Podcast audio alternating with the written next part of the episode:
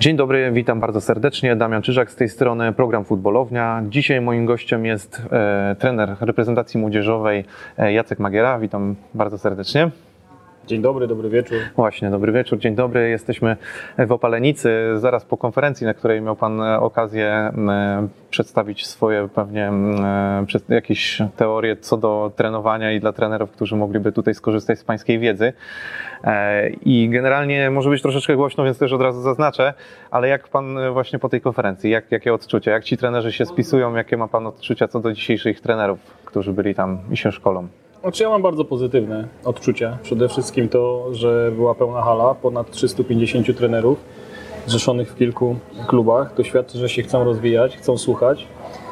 Było nas trzech prelegentów. Damian Salwin, psycholog pierwszej reprezentacji Polski, profesor Huciński, znany, ceniony człowiek, który prowadził kadrę koszykarską, dzisiaj wprowadza innowacyjne metody szkolenia, napisał książkę Imopexis, która jest bardzo ceniona w środowisku sportowym i na koniec ja miałem swoje kilkanaście, kilkadziesiąt minut y, czasu, aby przekazać swoje doświadczenie jako człowieka, jako młodego piłkarza, jako doświadczonego piłkarza, który podjął w pewnym momencie decyzję o końcu kariery i pracy jako trener. Potem moje ścieżki rozwoju przez 10 lat, gdzie uczyłem się od różnych trenerów, jeździłem na wszelkie staże, aby samodzielnie później prowadzić zarówno Zagłębie Sosnowiec, Legię Warszawa, a dziś reprezentację Polski do lat 20. Także jestem nastawiony bardzo optymistycznie, pozytywnie.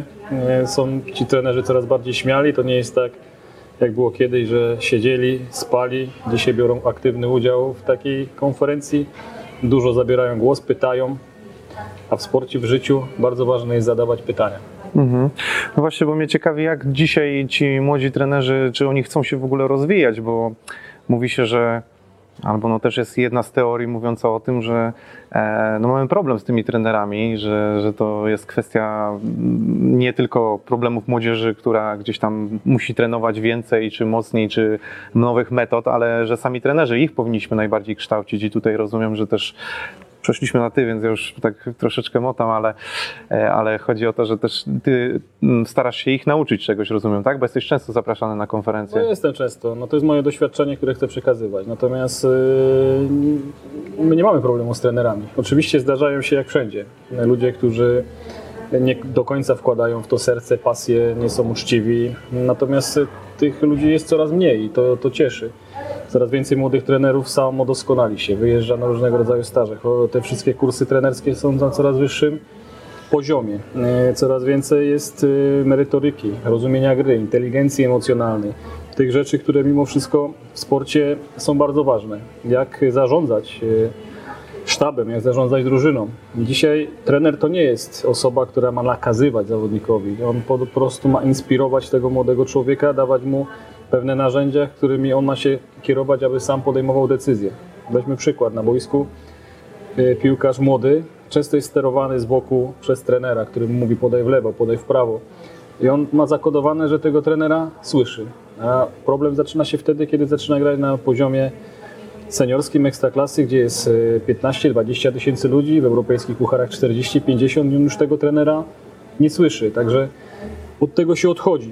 Zawodnik oczywiście musi mieć wsparcie trenera, natomiast on wie na boisku, przygotowany przez szereg lat, jak ma się zachować i co ma zrobić. I trenerzy coraz bardziej są tego świadomi. Mhm, czyli jeżeli mielibyśmy tak porównać, no bo mm, powiedzmy, że trenerów jest dosyć dużo, coraz więcej chce ich się szkolić, tak jak widzieliśmy, tak jak opowiadałeś mi, że na tej konferencji była naprawdę spora liczba. E, czy oni mocno odstajemy jakby tak, takimi wiedzą, umiejętnościami od tych z zagranicy? Nie, w żadnym wypadku nie odstajemy, jesteśmy zdolni. Młodzi ludzie, to co powiedziałem, są otwarci na, na wszelkie horyzonty i tutaj nie miejmy żadnych kompleksów. U nas się utarło, że jest, nie ma polskiej myśli szkoleniowej. Jest, będzie i z każdym rokiem to będzie szło do przodu. Jestem o to spokojny. To, co powiedziałem, zdarzają się sytuacje patologiczne, normalne. Nienormalne to jest w środowisku czy młodzieżowym, ale tych ludzi jest coraz mniej z tego się należy należy cieszyć. Y, Ja jestem zbudowany, bo w Katowicach, y, kiedy byłem na konferencji, było ponad 1500 y, trenerów z całej Polski. W Poznaniu dwa lata temu, kiedy przyjechałem tutaj na Lech Konferenc, było też ponad 1500 ludzi, którzy słuchali z zaciekawieniem tego, w jaki sposób pracujemy ze sztabem i przekazaliśmy im tą wiedzę. To zapytam jeszcze o jedną rzecz, jedną rzecz, która mnie dosyć mocno ciekawi. Mm, Czy my w Polsce trenujemy za mało, czy za dużo, albo nie wiem, znaczy bardziej czy za mało, albo czy za słabo, może tak. Bo za dużo wydaje mi się, że nie trenujemy w stosunku do tego, co na przykład mówią e, młodzi piłkarze wyjeżdżający za granicę. Często się o tym słyszy, że wyjechał za granicę i tam faktycznie no, te treningi są naprawdę bardzo ciężkie. A czy mnie to bardzo denerwuje właśnie e, takie e, porównywanie e, w jednej kwestii. Natomiast powiem, powiem tak. Mm, W wielu przypadkach niestety jest to, że boimy się zmęczyć tego młodego człowieka. Że trenujemy nie tyle, ile powinniśmy. Nie ma dużo, mało, jest po prostu mądrze trenować. Co to są warunki fizyczne? Często mówimy, że zawodnik musi mieć warunki fizyczne. Patrzymy na grupę młodzieżową, 10, 12, 15 latka. Warunki fizyczne to co? Wysoki, silny, gruby, bo też się tacy zdarzają No tak. w grupach młodzieżowych. Takimi zawodnikami wygrywamy mecze. Pomijamy tych, którzy są chudzi, wątli, dlatego zadaję pytanie, kto ma warunki fizyczne? Warunki fizyczne ja mam? Tak, ja mam warunki fizyczne, dzisiaj stanę, mam 1,85 cm wzrostu, ale nie jestem dzisiaj w stanie biegać na wysokich intensywnościach, nie jestem w stanie się zregenerować za dwa dni tak, aby biegać znowu na wysokich intensywnościach, bo już nie, pomaga, nie pozwala mi na to po prostu moje, mój sposób przygotowania do, do życia. A co to jest fizyczność? Czy Sebastian Szymański, zawodnik, który dzisiaj gra w reprezentacji Polski, ma warunki fizyczne? No nie ma, nie ma co się oszukiwać. No nie ma warunków fizycznych, tylko to jest względne pojęcie, to jest złe pojęcie warunki fizyczne. Gdy ja wprowadzałem Sebastiana Szymańskiego do zespołu Legii Warszawa, miałem mnóstwo podpowiadaczy, którzy mi mówili, trzeba go wysłać na siłownię, trzeba mu go podkarmić, trzeba go inaczej kierować. Ja tylko pokazałem, że są nienormalni. Że nie mamy prawa właśnie dzisiaj go podkarmiać, nie mamy prawa z niego zrobić dzisiaj atlety, bo straci te wszystkie walory, które ma. Sebastian Szymański był odpowiednio przez nas przebadany psychomotorycznie, pod każdym względem, szybkościowym, wytrzymałościowym. Fizyczność to jest wszelako rozumiana szybkość podejmowania decyzji, wytrzymałość, e, możliwość regeneracji się w jak najkrótszym momencie czasu do następnego wysiłku, po wysiłku ekstremalnym, jakim powinien być mecz i Sebastian to ma. Następnie to jest koordynacja, przyjęcie piłki kierunkowe, to jest szybka noga, to jest e, radzenie sobie w sytuacjach z driblingiem, to jest rozumienie gry, szczególnie rozumienie gry na optymalnym zmęczeniu i to Sebastian ma. Dlatego nie mylmy dzisiaj pojęć. Rolą trenerów młodych szczególnie, jest przede wszystkim to, aby zdefiniować zawodnika. My często inwestujemy nie w tych piłkarzy, w których powinniśmy, bo to co powiedziałem, mamy mają warunki fizyczne, wygrywamy w wieku 12-15 lat mecz i jesteśmy z tego zadowoleni. Gdy przychodzi ten najważniejszy dla piłkarza okres 18-19 lat, oni przepadają, bo nie mają wytrzymałości, szybkości, nie mają odpowiedniej regeneracji, e, czyli dochodzenia do kolejnego wysiłku. Nie mają koordynacji odpowiedniej na poziomie mistrzowskim, bo nam o tym chodzi, aby jak najwięcej zawodników doprowadzić do poziomu mistrzowskiego. I to są te detale. Dlatego najważniejsza jest rola trenerów, definicja i inwestowanie w te jednostki, które są odpowiednio predysponowane do gry na poziomie mistrzowskim. Nie patrzenie dzisiaj, czy on jest chudy, czy on jest e, wątły, tylko jak właśnie gra, jakie ma możliwości, parametry, bo ten zawodnik, który w wieku 14 lat wygląda na patyka, za 5-6 lat może być reprezentantem Polski, jeżeli będzie odpowiednio prowadzony. Często tacy zawodnicy niestety są wyrzucani do worków, wiedza trenerów nie była na tyle duża, aby takiemu zawodnikowi zaufać, czy też odpowiednio go, odpowiednio go poprowadzić. Ja domyślam się, że tych wszystkich rzeczy można się dowiedzieć e, przyjeżdżając na konferencje, na których ty bywasz i na pewno dzielisz się tą wiedzą, więc tu nie będziemy też robić całego wykładu, jak, jak do tego podejść, bo, bo to też jest e, wiedza, którą ty powiedzmy się dzielisz właśnie w takich sytuacjach, ale e, ja chciałem zapytać o jeszcze kwestię związaną teraz może z, z twoim doświadczeniem, ponieważ no skąd się czerpałeś? Miałeś też w swoim życiu w karierze piłkarskiej wielu trenerów, e, później też jako trener e, już też współpracowałeś z różnymi trenerami i ciekawi mnie bardziej ta strona może piłkarska. E, Czy ty masz jakieś takie wspomnienia, nazwałbym to urazami, w związku z trenerami, którzy, którzy, którzy, z którymi współpracowałeś na zasadzie, że wiedziałeś z góry, że to nie jest dobre dla ciebie. I Znaczy- dzisiaj na przykład wyciągnąłeś wnioski, stwierdzasz, że po prostu mm, no, nie wprowadzasz już tych rzeczy, które kiedyś ktoś ciebie nimi katował na przykład, tak? Bo ja pamiętam też, że ja miałem coś takiego, że na przykład miałem trenera, z którym przebiegaliśmy mnóstwo kilometrów, a no ja byłem dzieciakiem, tak? I to był taki mój uraz co do, co do tego, a gdzie piłka była w tym, nie? I tak jak Znaczy, to ja wyglądało miałem fantastycznych trenerów, mogę powiedzieć. Yy, Ja w ogóle stosunkowo dosyć późno zacząłem grać piłkę. Ja się wychowałem na generacji Bońka, Smolarka, Młynarczyka, Janasa, Żmudy. Jako młody chłopak oglądałem Mistrzostwa Świata w 1982 roku. Oni zarazili do mnie e, chęć do uprawiania sportu. Natomiast e, ja się wychowałem na podwórku. Graliśmy cały czas non stop, od rana do wieczora i to była nasza jedyna rozrywka. Do klubu zapisałem się w 1986 roku po raz pierwszy do Rakowa Częstochowa, gdzie wytrzymałem dosłownie dwa, dwa miesiące. E, Później wróciłem znowu na podwórko, tam graliśmy i w 1988 roku, czyli jak miałem 12 lat, podjąłem drugą próbę zapisania się do klubu sportowego. Tym klubem znowu był Raków. Trafiłem tam na trenera Zbigniewa Dobosza, który zaszczepił we mnie wiele fantastycznych y, momentów. Zaraził przede wszystkim takim psychologicznym podejściem do, do zawodu piłkarza. Ja pamiętam y, wielokrotnie, że y, na przykład ubieraliśmy się w korki metalowe, sprzęt sportowy. Jechaliśmy autobusem numer 12. Trener kupował tam 20 biletów i cała drużyna wsiadała w ten autobus jechaliśmy 13-14 przystanków na mecz na Częstochówkę, gdzie graliśmy na żwirze i nikomu to nie przeszkadzało, że to był żwir. Dla nas liczyła się przede wszystkim miłość do piłki, chęć, chęć gry. Tam graliśmy ten mecz, wracaliśmy znowu tą dwunastką na, na Raków i dopiero wychodziliśmy e, do szatni. Potem jeszcze się przebieraliśmy i szliśmy grać dalej. To są moje takie wspomnienia, jeżeli chodzi o dzieciństwo, o to w jaki sposób zostałem tym zarażony. Ja z trenerem Doboszem trenowałem 364 dni w roku, a gdzie rok ma 365 dni. Jedyny dzień, jaki był wolny, to był e, 1 listopada. Jak to codziennie trenowaliście? Dzień w dzień. Dzień w dzień, to co powiedziałem, 364 dni w roku. I te zajęcia były urozmaicone. I muszę powiedzieć, że dzisiaj patrząc na te, na te, te rzeczy, które robiliśmy, trener Dobosz wy- wyprzedził epokę, bo dzisiaj te wszystkie sprawy związane z rozumieniem gry, e, z atakowaniem wolnych przestrzeni, gry do przodu, były cały czas u niego. Ja nie pamiętam, żeby się jakiekolwiek ćwiczenie u tego trenera powtórzyło. Naprawdę? Naprawdę. Mieliśmy drużynę, gdzie na sali w 40 osób e, ćwiczyliśmy. Był przedział wiekowy 5-6-letni. To nikomu nie przeszkadzało. My chcieliśmy grać. Mieliśmy swoją ligę.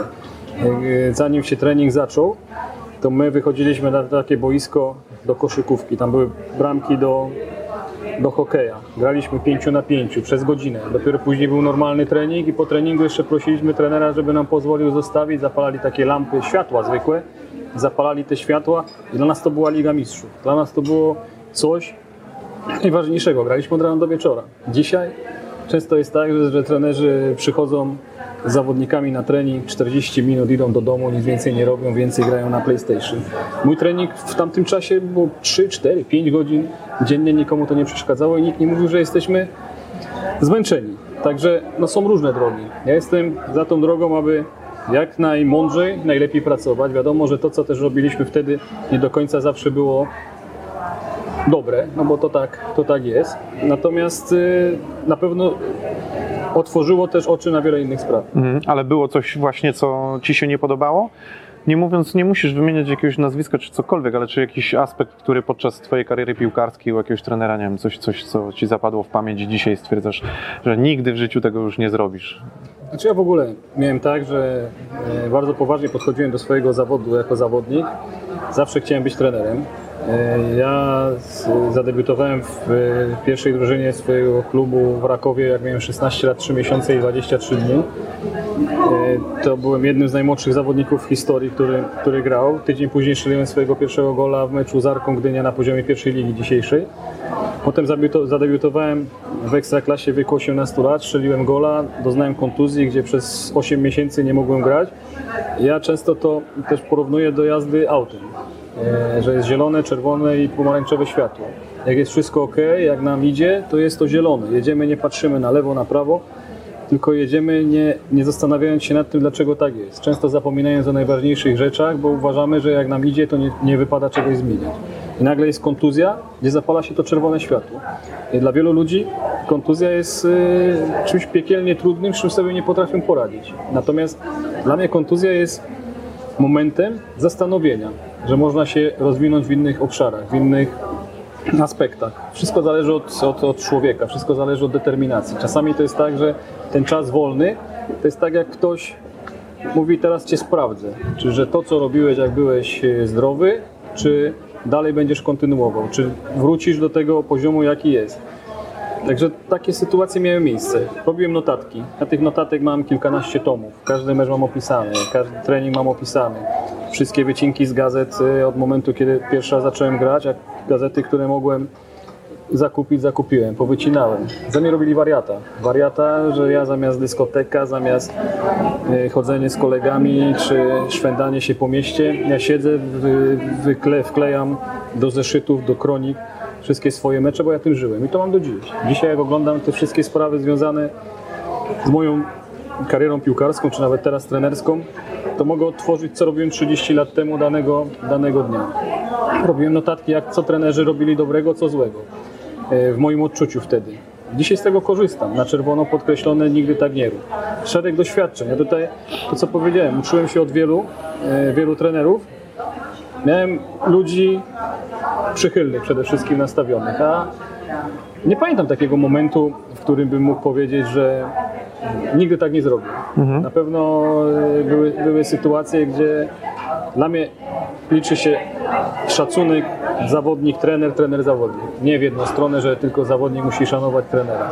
To musi być obustronne. Jeżeli tego nie ma, to to, to jest początek, początek końca. Dlatego zawsze mnie denerwowało, jak trenerzy często stali ponad drużyną, pokazując swojego, że nie, to mi, ja mam rację, nie ty, gówniarzu. To mi się nie podobało, bo nie zawsze ten trener ma rację. Czasami ten gówniarz w cudzysłowie ma rację. Niestety ego trenerów często jest takie, że nie potrafią się do tego przyznać. Czego się boją? Nie wiem. Ja, ja jestem zdania, że jeżeli jesteś dobrze przygotowany merytorycznie, uczciwie podchodzisz do tego wszystkiego, słuchasz, pytasz, to nie jest, nie jest, nie jest problemem, aby przyznać rację temu młodemu człowiekowi, bo to też pokazuje Twoją wielkość.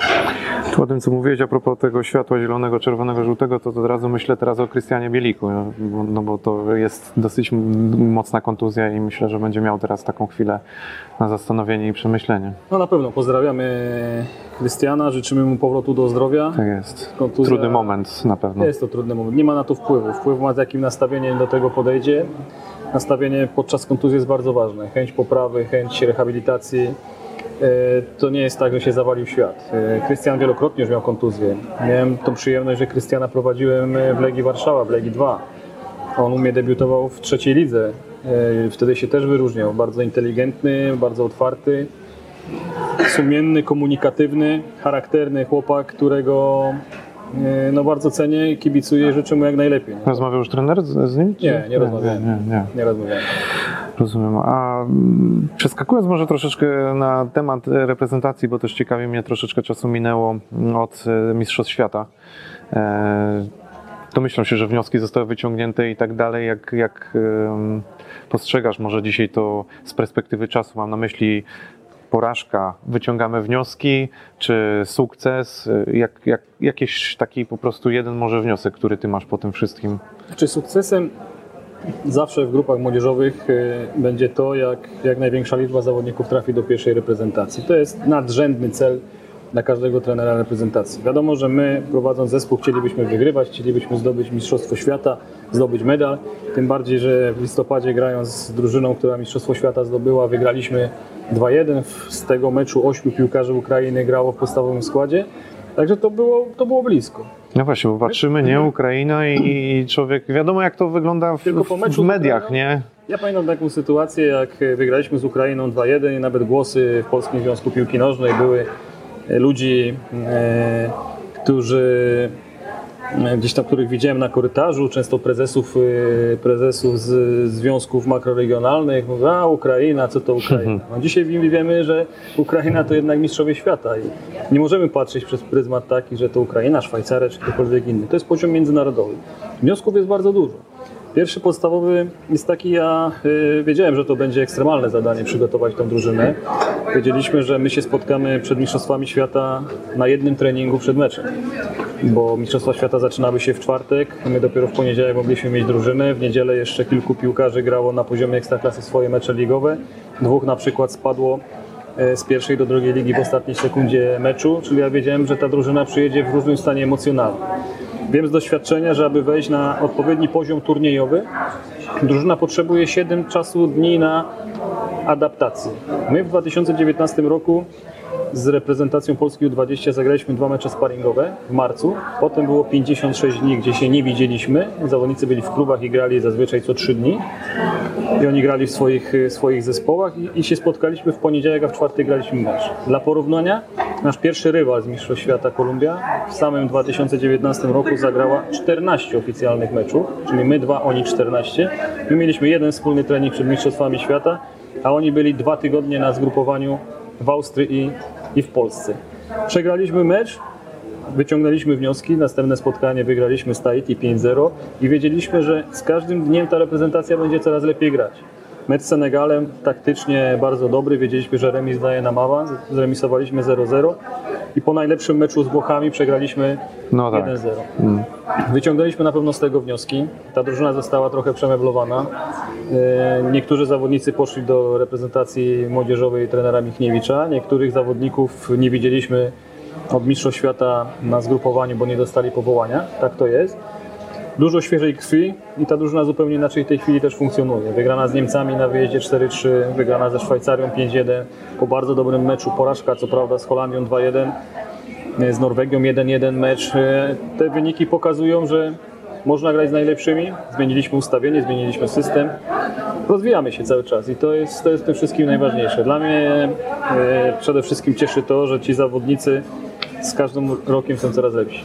Rozumiem, bo, bo no wiadomo, dla postronnego kibica, którym chciałby zobaczyć efekt, dla niego efektem końcowym byłoby pewnie Mistrzostwo Świata albo półfinał i tak dalej, ale właśnie e, tutaj też chodziło mi, żebyś wyjaśnił, że, że, że mimo wszystko te reprezentacje młodzieżowe to nie jest jakby cel sam w sobie, żeby być mistrzem świata. Oczywiście to była piękna historia, ale z drugiej strony rozumiem, że ty masz te cele pomniejsze, które sobie odhaczasz, e, mówiąc tu o rozwoju zawodnika każdego, o tym, żeby ktoś szedł coraz wyżej w tej hierarchii. Rozumiem, że to są takie cele, które się pojawiają. Znaczy na każdego zawodnika trzeba patrzeć indywidualnie.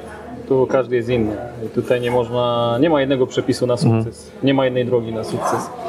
E, Każdy potrzebuje indywidualnego prowadzenia i jest wiele takich przykładów, e, które, które można tutaj opowiedzieć. Wiadomo, że i tak najistotniejsza w tym wszystkim jest samodyscyplina, samodoskonalenie, bo e, ja prowadząc drużynę, prowadząc czy, czy Legię, czy Zagłębie, czy teraz reprezentację, prowadzę zespół na trzech polach.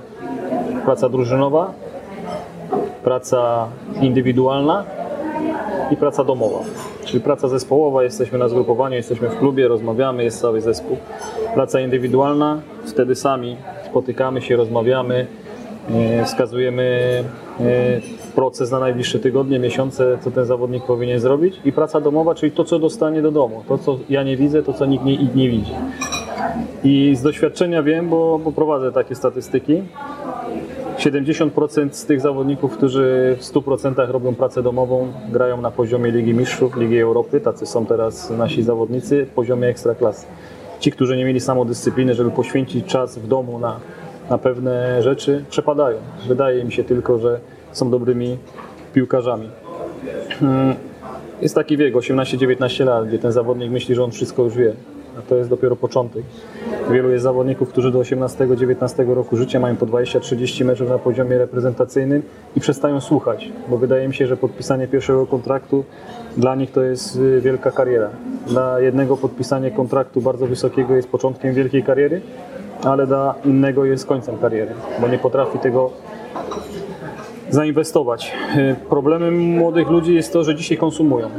Dzisiaj zarobione pieniądze wydają nie wydają na inwestycje w siebie, tylko na materialne rzeczy, samochody, ubrania, inne rzeczy. Dlatego ważne jest, aby poznali tej, tą tajemnicę sukcesu, że dzisiaj nie jest czas na konsumpcję tego, co dostaję, tylko czas na inwestycje w siebie. Skoro już mówisz o konsumpcji e, wśród młodych piłkarzy, to mnie jeszcze zastanawia oprócz konsumpcji e, trochę ego niektórych piłkarzy. E, Mam na myśli tych młodych, no bo to pokolenie mimo wszystko mocno się zmieniło. Jak pewnie spojrzysz, czy pamiętasz swoich kolegów, e, czy tam młodych e, zawodników ze swoich czasów, to było zupełnie inne pokolenie. Dzisiaj ci młodzi, e, tak jak mówisz, konsumpcjonizm, który mm, no, powiedzmy z każdej strony ich atakuje, a z drugiej strony też są bardziej odważni, mi się wydaje, w niektórych swoich słowach czy, czy czynach w ogóle. E, Mi od razu przychodzi do głowy w ogóle ktoś taki jak na przykład Kamil Grabara, który powiedzmy no, jest bardzo takim e, zawodnikiem i, i wypowiada się bardzo odważnie. I tak się zastanawiam właśnie, co ty sądzisz o ego takich zawodników? Jak sobie z takimi ludźmi radzić jako trener właśnie? Znaczy ja muszę powiedzieć, że ja lubię takich zawodników. Miałem i mam w swojej, swojej drużynie wielu takich. Ja lubię piłkarzy, którzy mają swoje zdanie. Ja akurat jestem trenerem, który się nie boi swojego zdania piłkarza, e, bo e, to nie na tym polega, aby kogoś ograniczać. Każdy ma być sobą. Wiadomo, że są pewne e, granice, których przekroczyć nie można. Natomiast ja sobie to cenię, że, że młodzi ludzie się, się cenią i chcą cenić, bo to jest istotne. Tylko z tym cenieniem siebie musi iść też jakość piłkarska, bo bez tego no to tylko i wyłącznie po jakimś czasie wyjdzie, że ktoś jest śmieszny. I wiele takich przypadków jest. E, To jest, to jest ważne. E, Ci robi ogromną różnicę w słowo jakość. Niektórzy robią jakość, a niektórzy robią jakość. I dlatego ten detal jest, jest bardzo, bardzo istotny. Mm. Swoje zdanie jest ważne. Ja często też, też tak robiłem, robię, aby zawodnicy na forum publicznym coś powiedzieli, aby w ten sposób też ich wzmacniać, zobaczyć, że stanie po drugiej stronie to nie jest takie proste, jakby się wydawało. Dlatego chciałbym, abyśmy pracowali i pracujemy ze sztabem na, na różnych obszarach. W obszarze technicznym, taktycznym, motorycznym, to co powiedziałem o tej fizyczności, także nad obszarem mentalnym, psychomotorycznym i też obszarem społecznym. I te pięć obszarów jest u nas e, poruszane, mamy przygotowane e, takie ankiety samooceny, gdzie zawodnicy mają się sami oceniać, aby sami się rozwijać. No nie jest sztuką to, że zawodnik siądzie na odprawie i usłyszy od trenera, że grał dobrze albo źle. Sztuką jest, aby ten zawodnik zrozumiał, jak grać, co robić, aby wejść na wyższy, wyższy poziom. Mm, No dzisiaj to w tym kierunku idzie. Kiedyś zdarzały się takie sytuacje, że trenerzy y, brali przegląd sportowy i ja miałem takiego, taką sytuację grając w jednym z, z klubów, że trener wziął przegląd sportowy i czytał noty i patrz, ty dostajesz szóstkę, ty siódemkę, ty ósemkę. Także do takich sytuacji no, nie ma prawa, aby były, bo to, to jest amatorka. Czyli, ale rozumiem, że wolisz takich bardziej charakternych y, piłkarzy niż... niż... Ja nie lubię przytakiwaczy. Mhm. Lubię, którzy mają swoje zdanie i ci zawodnicy o tym wiedzą. Ja też nie mam problemu, aby z nimi na ten temat porozmawiać. E, Zawodnik, z którym pracuję, wiadomo, są różne relacje, bo e, niektórzy się jeszcze boją, krygują. Nie lubię słowa boją. Mają być odważni. Mówię to, co powiedziałem, musi być granica. Ale lubię słuchać. Przede wszystkim lubię słuchać i też lubię robić coś takiego, aby zostawić zawodnika z takim poczuciem, żeby on się nad tym, o czym rozmawialiśmy, zastanowił. Aby to nie było tak, że to będą puste słowa, że to będzie tam, a pogadali sobie i jednym uchem wpadnie, drugim wypadnie, ale aby ta nasza rozmowa zostawiła ślad w głowie. I wielokrotnie tak było, że zawodnik po latach przypominał mi pewną e, sytuację, która miała miejsce lat 10-15 podczas naszej rozmowy. No to też o to zahaczę, bo tej młodzieży przez Twoje ręce mm, przeszło dosyć dużo. E, I teraz może też nie, nie, nie musisz jakby nazwiska podawać, ale masz takie akcje, sytuacje, kiedy ktoś wylądował u Ciebie na dywaniku za coś konkretnego, takie rzeczy, które zapadły Ci w pamięć? Znaczy mi to jak mi, bardziej zapamiętali to ci moi No podobni. bo oni wspominają często w niektórych różnych wywiadach i rozmowach, że no, trener Magiera mnie wziął i porządnie porozmawialiśmy. No, Takich przypadków miałem kilkadziesiąt. No właśnie. I, I muszę powiedzieć, że o takich przypadkach w większości przypadków wiedzą tylko ja i ten zawodnik. Mhm. To nigdy nie, nie, nie zaznało takiego światła dziennego. Nie dzieliłem się z tym nie, nikim. No, była taka jedna sytuacja, że zawodnik nie wszedł na trening z powodów e, imprezy, która była dzień wcześniej. E, po prostu z, wszystko wskazuje na to, a później się okazało w rozmowie, że pozwolił sobie na więcej niż jedno piwo. Był to zawodnik, e, nie będę teraz strzelał, czy miał lat 19 czy 20, ale taki nastolatek, początek 20 roku życia. Mhm, mhm. No i nie przyszedł na trening, a to, że opiekowałem się zawodnikami, młodymi zawodnikami Legii, no to zmusiło mnie do wykonania telefonu do niego. Wykonałem telefon pierwszy, drugi, trzeci, czwarty nie odbiera, piąty nie odbiera, szósty nie odbiera. E, W końcu oddzwonił, ale już e, po południu, nie przychodząc na trening. Pierwszy trener oczywiście też był, e, zastanawiał się, co z tym zawodnikiem się dzieje. No i on do mnie oddzwonił i mówi, że nie mógł przyjść, bo jego mama miała problemy zdrowotne. No to odłożyłem słuchawkę, mówię ok. Ale jak to, że mam i miałem kontakt y, często z rodzicami, wykonałem telefon do mamy i zapytałem się, dzień dobry. No ta pani mi odpowiedziała, miło, że pan dzwoni. Mówię, co u pani słychać? Ja wszystko dobrze, a coś się stało? Ja nie, nie, wszystko jest ok. No i tu padło nazwisko tego chłopaka, nie będziemy mówić. Nie, nie, nie potrzebujemy tu robić nikomu- Na tym polega. No, odłożyłem słuchawkę, pożegnałem się e, grzecznie z mamą. No i za 5 minut dzwoni ten zawodnik. Bo mama zadzwoniła oczywiście do, do syna, że co się musiało stać, skoro trener do mnie dzwoni. No i telefon od tego zawodnika. Nie odebrałem. Pierwszy raz, drugi, trzeci, czwarty, piąty nie odebrałem. Tak jak on ode mnie nie odbierał, no to ja od niego też nie odbierałem. Ale w końcu mówię o 21 zadzwonię do niego. Zadzwoniłem, odebrał po ułamek sekundy, kiedy dzwonił. Mówię, przyjdź jutro o 5 rano do klubu. No i wszedł o 5 rano do klubu. No i tam odbyliśmy taką, taką rozmowę. E, dosyć konkretną. Oczywiście o tym nikt nie wiedział. Nie dowiedział się prezes, nie dowiedział się dyrektor sportowy, nie dowiedział się pierwszy trener o co chodziło, bo to zostało między nami, to co, to co się wydarzyło. I po 10-15 latach byliśmy na weselu jednego zawodnika i ten, ten zawodnik był. No i tak poszliśmy sobie, już jak można powiedzieć, nie trener zawodnikiem, tylko jak Dorośli ludzie, no. dorośli ludzie, jak można nawet powiedzieć, że w tym momencie kolega i kolega Mhm.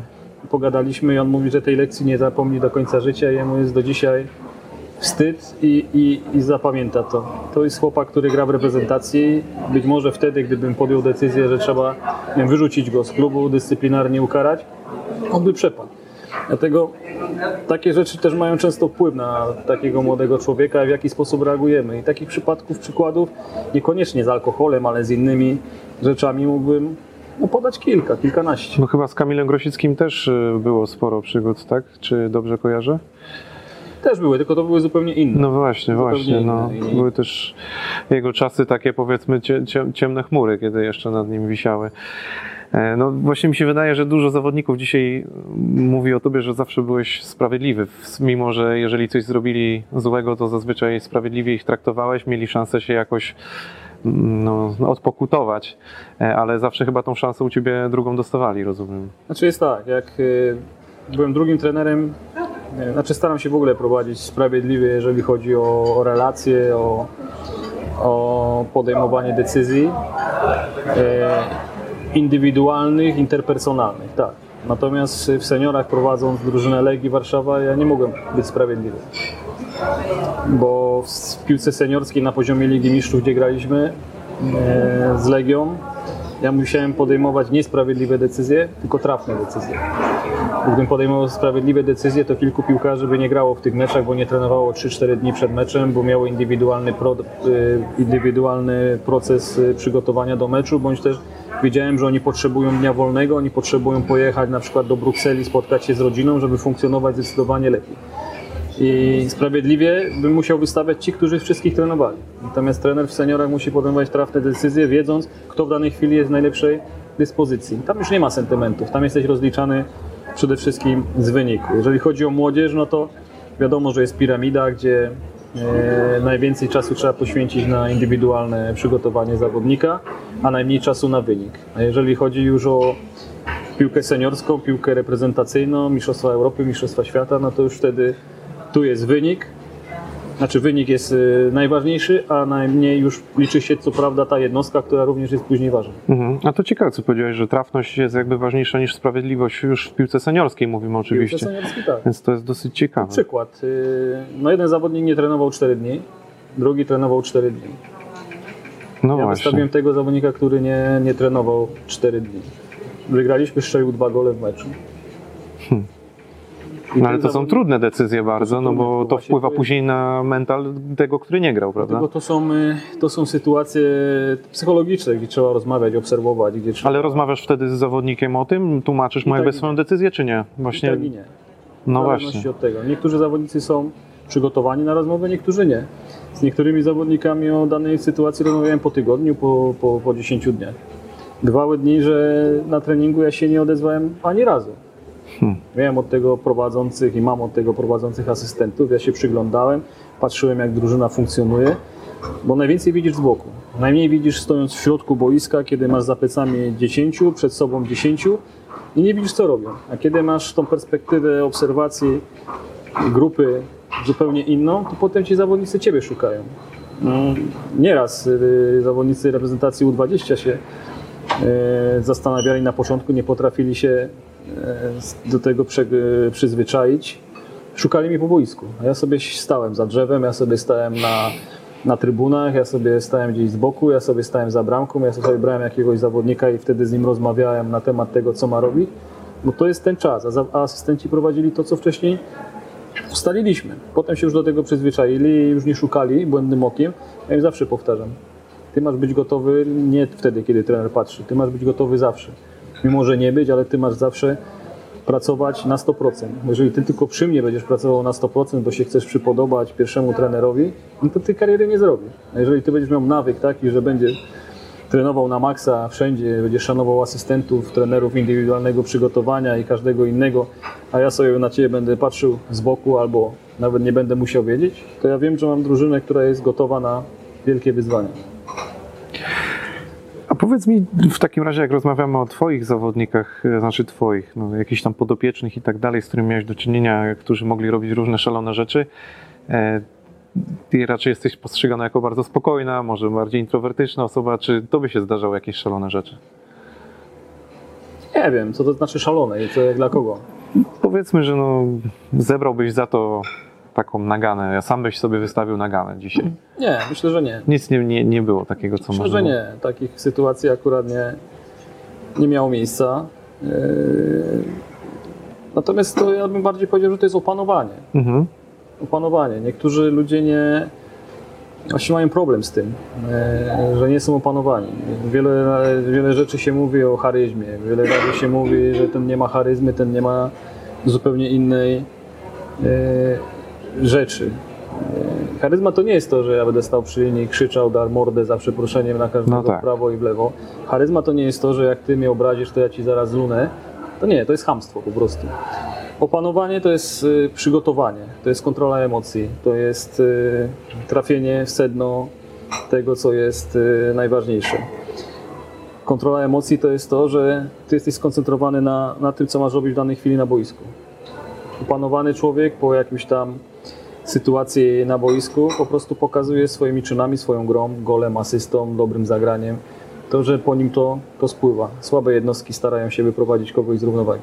No ale no niektórzy potrzebują, niektórzy to mają od początku, niektórzy tego nie mają, niektórzy muszą nad tym pracować podczas ca- całej swojej kariery. Damian Salwin, o którym wspominałeś, robiłem z nim też rozmowę, przeprowadzałem, e, no i właśnie też na ten temat rozmawialiśmy, że niektórzy tej zimnej krwi no, muszą nad nią mocno pracować, prawda? Ale są potrzebni i tacy i tacy. Tak, no. być tak, że wszyscy są jednakowi, bo, bo to, to też do niczego dobrego nie prowadzi. Mhm. Ja będąc trenerem Legii Warszawa miałem sztab 14-15 ludzi, którymi ja musiałem zarządzać. Ja wiedziałem, że każdy ma inny temperament i każdy w tej, tym sztabie musi być ważny.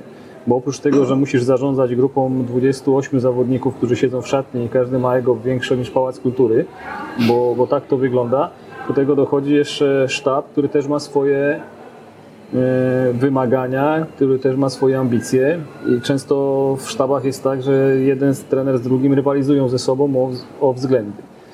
Ja akurat y, miałem tak dobrany sztab, na którym pracowałem przez wiele lat, że jeden drugiego wspiera. No ale też była sytuacja y, taka, że musiałem niektórym trenerom podziękować w sztabie, bo nie, nie byli w stanie podporządkować się do tego, co, o czym tutaj mówię. Natomiast no, temperament jest każdy inny. Jacek Magiera, Aleksander Wukowicz, zupełnie dwie inne osoby.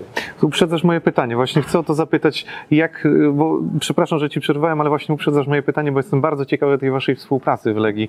E, no bo ja oglądałem mecze, patrzyłem na tą ławkę i czasem miałem wrażenie, e, czy nie chciałbyś troszeczkę tak pociągnąć za kurtkę Aleksandra Wukowicza, no żeby troszeczkę odpuścił w niektórych sytuacjach. Czy tobie nie przeszkadzały pewne takie kwestie, czy jak się uzupełnialiście? Byś mógł powiedzieć o tej współpracy właśnie. Znaczy, zacznę od końca. No. Pod koniec już naszej pracy już, już trochę tego było za dużo i wiem, że że Aleksander przesadzał w pewnych kwestiach. On też wie, porozmawialiśmy na ten temat.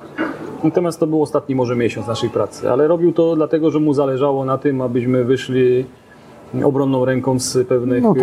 E, perypetii, które wtedy miały miejsce. Wtedy była w ogóle drużyna zupełnie nowa. Wymagano od nas, aby po siedmiu transferach Ryjowicz, Nikolicz, Bereszyński, Wadis, Rzeźniczak, kontuzja Gilerme, kontuzja Mulę, kontuzja Radowicza, czyli ośmiu zawodników, grali tak samo jak ze Sportingiem Realem. No nie ma szans, żeby po miesiącu, kiedy do klubu przychodzą zupełnie nowi ludzie i, i półtorej półki niżej w hierarchii gry w piłkę niż, niż poprzedni, grać tak samo. No ale zostawmy to.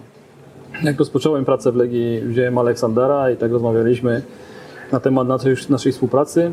Ustaliliśmy obszary, w których on będzie miał możliwość pracy, jesteś w szatni odpowiedzialny za to, jesteś w szatni trenerów odpowiedzialny za to, w procesie przygotowania treningu za to.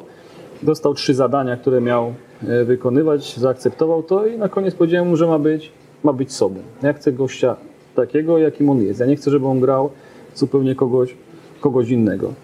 E, ustaliliśmy, że jak będzie potrzeba, będę go wypychał, żeby troszeczkę tam wpłynął e, na presję drużyny, presję sędziów, przeciwników.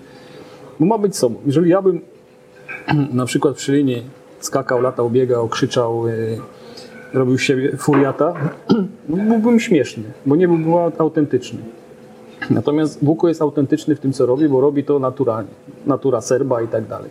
Gdybym znowu zabronił Wuko być ekspresyjny, tylko kazał mu siedzieć na ławce jak mumia, to też nie byłby naturalny i ta nasza współpraca nie byłaby taka, jak, jak powinna.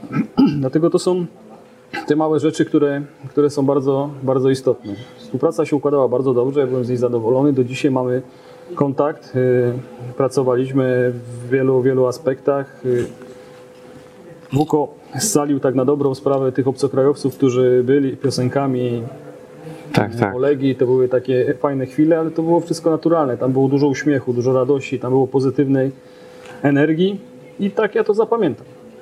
No, to, to, to był aspekt dla mnie właśnie bardzo ciekawy, bo ta ekspresja była, bo, bo zawsze mnie zastanawiało właśnie, czy, czy czasem nie denerwował cię, bo mm, Wuko tam potrafił dostać kartkę też za swoją ekspresyjność, więc... Znaczy ja go celowo czasami tak? wysyłałem. W Czy element gry troszeczkę ja takiej. wtedy siedziałem na, na ławce, rysowałem, przygotowywałem z Tomkiem Łuczywkiem, który ma bardzo dobry mm, ma dobre widzenie pod względem taktycznym chcieliśmy zareagować, przygotowywaliśmy strategię, przygotowywaliśmy jakieś tam punkty, które trzeba było poruszyć na, mm, w przerwie, bo wiadomo, że później masz chwilę czasu na to, żeby cokolwiek powiedzieć, zrobić.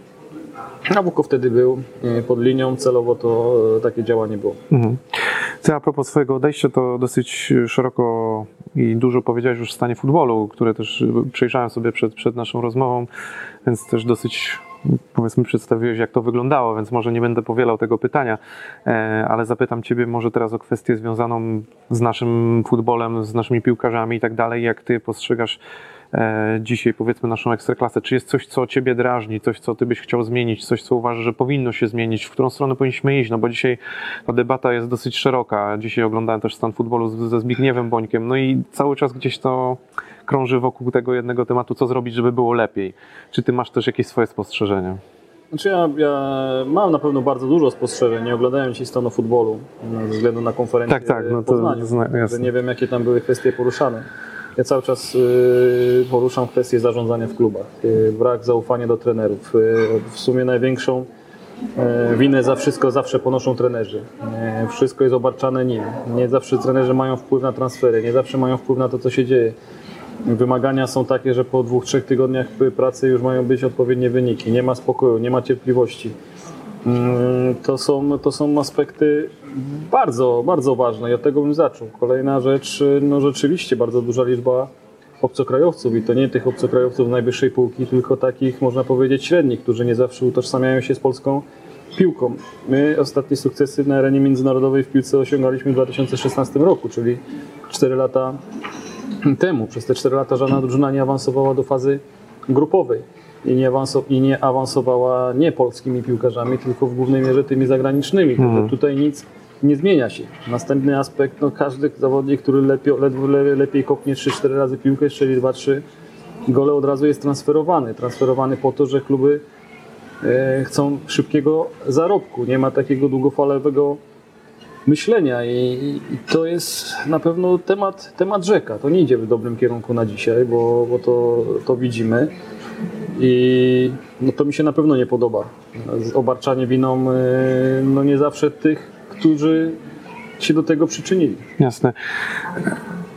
Takie, nie wiem, głosy może były, które ja nie umiem wspomnieć, czy ktoś, kto, konkretno o tym mówił, ale jakby sobie przypominam, że podnosiły się takie głosy o, o, o tobie czy o Czesławie Michniewiczu na zasadzie, że trochę wam się odechciało właśnie ze względu na to, co mówiłeś, tej klubowej piłki, gdzie jest ta niecierpliwość właścicieli, że o wiele wygodniej było, jest trafić do reprezentacji, w której powiedzmy ma się czas na pewne budowanie drużyny i tak dalej, spokojną pracę, niż to, żeby powiedzmy w tym takim cudzysłowie bagienku funkcjonować, które no nie jest łatwe dla trenera dzisiaj, bo ta faktycznie wymienność posad jest bardzo częsta. No. No jest często. No, ja miałem być trenerem na lata, e, tak było mówione, tak e, było poruszane to wielokrotnie i to jeszcze publicznie, w rozmowach ze mną to samo, zbudujemy zespół. E, Chcę, żebyśmy się rozwijali, chcę, żebyśmy mieli DNA. No, okazało się, że po dwóch tygodniach to DNA zupełnie się zmieniło i, i posz, po, poszli właściciele, czy właściciele nie, właściciel poszedł zupełnie innym, innym kierunku. Dzisiaj mówi, że jest cierpliwy, że dzisiaj wykazał się cierpliwością. Myślę, że to nie była cierpliwość, bo e, zatrudnienie po mnie trzech trenerów, którzy byli bardzo drodzy, spowodowało to, że to nie jest cierpliwość też, tylko też rachunek ekonomiczny. Jeżeli rachunek ekonomiczny jest cierpliwością, no to, to, to, tak, to tak to wygląda. Natomiast e, być może, a chociaż nie chcę już do tego wracać, bo Nie, to nie, już temat jest nie zamknięty tak, ja rozumiem.